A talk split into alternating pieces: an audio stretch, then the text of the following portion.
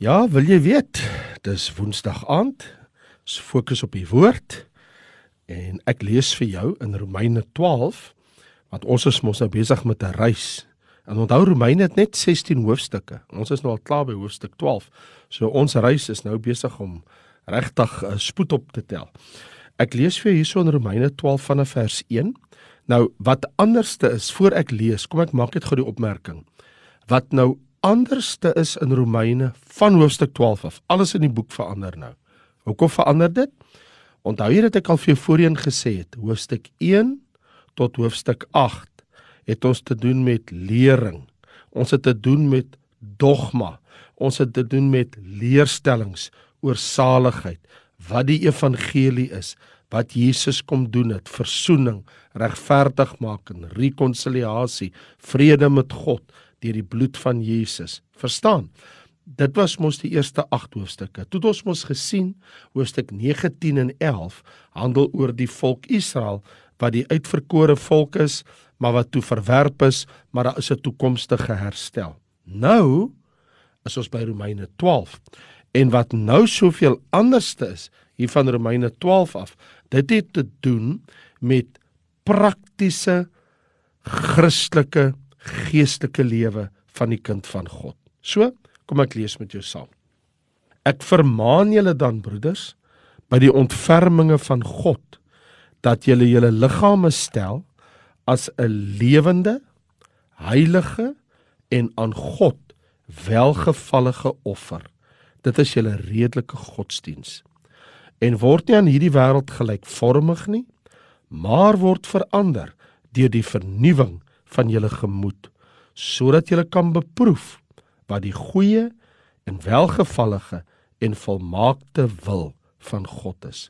Want deur die genade wat aan my gegee is sê ek vir elkeen wat onder julle is dat hy nie van homself meer moet dink as wat 'n mens behoort te dink nie maar dat hy daaraan moet dink om besadig te wees na die maat van geloof soos God dit aan elkeen toebedeel het. Want soos ons in een liggaam baie lede het en die lede nie almal dieselfde werking het nie, so is ons almal saam een liggaam in Christus en elkeen afsonderlik lede van mekaar. En ons besit genadegawes wat verskil volgens die genade wat aan ons gegee is. Is dit profesie na die maat van die geloof of bediening in die werk van bediening? Of wie leer in die lering? Of wie vermaan in die vermaaning? Wie uitdeel in opregtheid wie 'n voorganger is met ywer? Wie barmhartigheid bewys met blymoedigheid Nou hier het ek nou vir jou 'n gedeelte gelees van Romeine hoofstuk 12.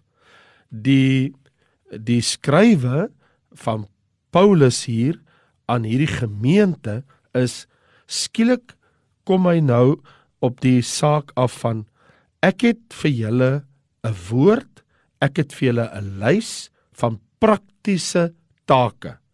En dit is gebaseer op wat ek julle geleer het in die brief ander woorde, jou dogma, jou leerstelling en die praktyk gaan saam. So wat ek en jy eintlik nou sien, en dit is nogal iets wat in die Bybel baie gebeur, nê, in die Nuwe Testament. In ander woorde, in die Christelike lewe, dink net vir 'n oomblik wat ek nou vir jou sê, dat dit dat jy verstaan hoe sinvol dit is.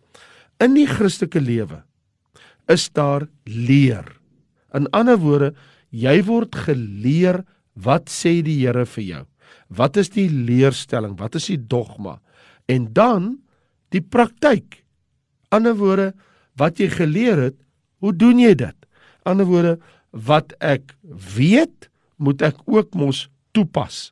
So die twee Christelike lewe leer en praktyk, want die Christelike lewe bestaan uit twee dinge uit. Wat leer jy en wat doen jy? So daai twee trek soos twee karperde. Hulle trek so saam met mekaar. So in die skrifte vind ons die twee saam. Ander woorde, leerstelling, doktrine, dogma, teologie, die skrif, die woord, noem dit net wat jy wil, wat wat jou pas. Noem dit wat jy wil. Maar daai leer moet prakties toegepas word. Ander woorde, wat ek en jy glo help om te bepaal hoe ons optree. Dus wat ons geleer het, kom ons noem dit nou Bybelse doktrine, God se leer moet in die Christelike lewe uitgeleef word. Ons noem dit praktyk. Lering, praktyk. Wat jy leer, dit doen jy. So Romeine hoofstuk 12, 13, 14 en 15. Vier hoofstukke wat die 16de hoofstuk is sy slot en sy groete wat die langste 'n lange groete uh, dink ek is in die hele Nuwe Testament. Maar nou hier het ons dit dat hierdie vier hoofstukke wat ek en jy nou in beweeg, hoofstuk 12, maar dan kom daar hoofstuk 13, 14 en 15, fokus Paulus op dat die Christelike lewe is moontlik gemaak deur die dood en die opstanding van Jesus Christus, so lewe daardie lewe. En dis wat ons nou sal sien, dat die Christelike lewe spreek van die regte, korrekte verhoudings. So die sleutelgedagte is verhoudings. Want jy sien, indien ons die regte, korrekte verhouding met God het, sal ons ook die regte, die korrekte verhouding met die mense het wat deel van ons lewe is. Ek bedoel Johannes het ons gesê in 1 Johannes 4 vers 20, as iemand sê ek het God lief en sy broeder haat, dan is hy 'n leienaar en hy leef in die duisternis. So hier is nou drie verhoudings wat ek en jy op kan konsentreer in Romeine 12. Wat is die eerste verhouding? My verhouding met God. Luister mooi, ek het dit reeds vir jou gelees, hoor weer. Ek vermaan julle broeders by die ontferminge van God dat julle liggame stel as 'n lewende, heilige aan God welgevallige offer. Dit is julle redelike godsdiens en word nie aan hierdie wêreld gelykvormig nie, maar word verander deur die vernuwing van julle gemoed sodat jy kan beproef wat die goeie, welgevallige en volmaakte wil van God is. So in die Christelike lewe het ons 'n lewe toegewy aan God. En hierdie toewyding beteken 3 dinge. My verhouding met God. 1. Ek stel my liggaam aan God beskikbaar. Want jy sien, voor ek 'n Christen geword het, het ek my liggaam beskikbaar gestel aan sondige wêreldsplesiere. Maar nou dat ek aan Christus behoort, gebruik ek my liggaam tot sy eer. In ander woorde, voor ek tot bekering gekom het, het ek my liggaam gebruik om partytjies te hou en te drink en te dans en al die plesiere en ek het geëet en gevyf en ek het alles gedoen wat ek met my hande, my voete, met my hele lyf, met my hele liggaam kan doen het ek gedoen. Maar sy argument is, maar as jy Christen geword het, nou is jou liggaam 'n tempel van God en die gees van God woon in jou. So my liggaam sê in Romeine 6 vers 13 moet nou 'n werktuig van geregtigheid wees in diens van God. Onthou wat hy sê, stel jou liggaam as 'n lewende offer aan God. Hoekom? Al die Ou Testamentiese offers is dooie offers. Hulle het die diere geslag. Die dier is dood. Al die offers aan God in die Ou Testament is dood. Maar hy sê in die Nuwe Testament, in die Nuwe Verbond, is dit 'n lewende offer. Dit is jou liggaam. So die offer van jou liggaam is 'n lewende offer. Jou liggaam is mos nie dood nie. Hy leef mos. Is hy dood as in die graf? En omdat jou liggaam lewe, gee jy vir die Here jou liggaam en dit is jou redelike godsdiens. So wat dit eintlik maar beteken, dit is die minste wat ek kan doen is om vir die Here te sê Here, hier is my liggaam, ek stel dit tot u beskikking. Dankie vir u gees wat in my woon. So my liggaam waarin u gees woon, sal ek gebruik om u te aanbid.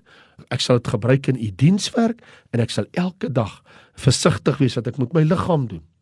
Die tweede ding is in jou verhouding met God wat jy lees in vers 2 die tweede gedeelte is en uh beproef uh met die vernuwing van julle gemoed wat die goeie en welgevallige volmaakte wil van God is. In ander woorde, gee aan God jou gemoed, jou verstand. Die wêreld wil so graag ons verstand beheer en ons denke. Ek bedoel, jy kan maar net in jou voertuig klim en as jy die radio aansit, dan sit advertensies. As jy TV aansit, is dit advertensies. As jy ry langs die pad, dan sien jy al die die die advertensieborde. As jy in winkels en en sentrums instap, dan sien jy hoe word alles geadverteer. So die wêreld wil my verstand beheer. Hulle wil die hele tyd vir my sê wat moet ek koop en waar moet ek gaan en wat moet ek doen? Maar hy sê, gee jou verstand vir God dat hy dit verander. Dis interessant metamorphosis transformeer. In 'n woorde, wanneer die wêreld in beheer is, dan wil hulle mos nou ons verstand volgens die wêreld se standaard konformeer, soos wat jy nou sien met die woke movement. En met al die goed oomblik in die wêreld gebeur, ons moet anders te dink. Seun is nie meer 'n seun nie, dogter is nie meer 'n dogter nie. Al hierdie verdraaiing van wat ons weet wat God van die mens sê. Die Bybel sê ons God het hom gemaak man en vrou het God die mens geskape. Hy het hom nie geskaap omdat hy nie weet wat hy is nie. Die Here weet mos wat hy 'n mens gemaak het. Maar wanneer ek my verstand vir die Here gee, dan transformeer hy dit om geestelik te dink in die woord en in die gees en om te weet hoe om my lewe in lyn te bring met die wil van die Here. Hoekom? Want ek wil die wil van God uitleef. Daar staan om sy wil te doen. Hoekom gee ek my liggaam vir die Here? Hoekom gee ek my verstand vir die Here? Om sy wil te doen. So, hoe werk dit in die praktyk? Kom ek vertel jou hoe werk dit. Die verstand, die gemoed beheer mos die liggaam. Want wat jy dink, dit doen jy mos. Jou liggaam trek mos nie homself aan nie. Jy besluit mos eers wat se baadjie gaan jy aantrek. Jy besluit mos wat se skoene gaan jy aantrek. So die gemoed beheer die liggaam.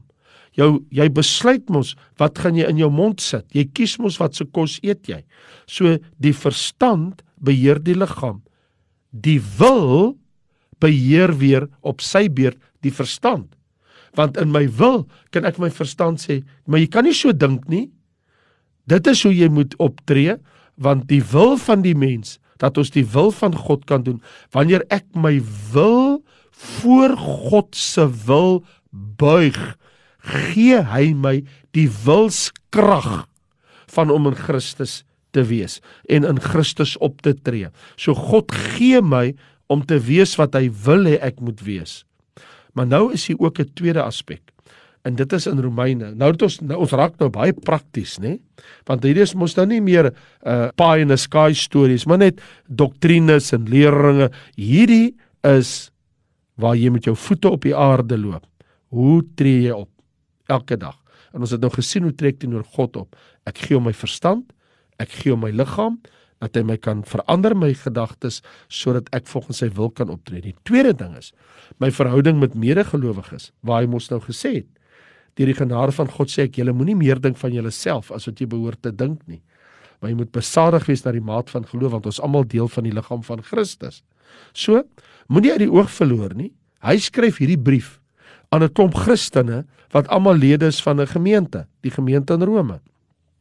En hy wil hê dat hulle ook in hulle onderlinge verhouding met mekaar in ag neem, ons is almal een liggaam en elke lid het sy eie funksie in die liggaam.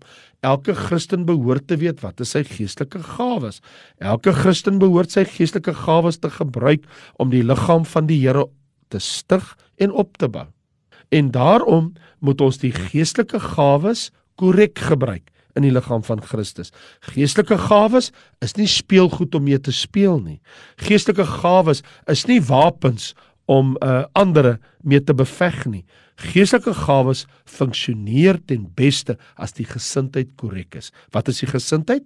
Die Bybel sê die gesindheid is een van liefde. Wees hartlik teenoor mekaar vers 10 met broederliefde of 1 Korintiërs 12 wat oor die gawes praat, 1 Korintiërs 14 wat verduidelik hoe opereer dit. Tussen die twee kry 1 Korintiërs 13 die hoofstuk van die liefde.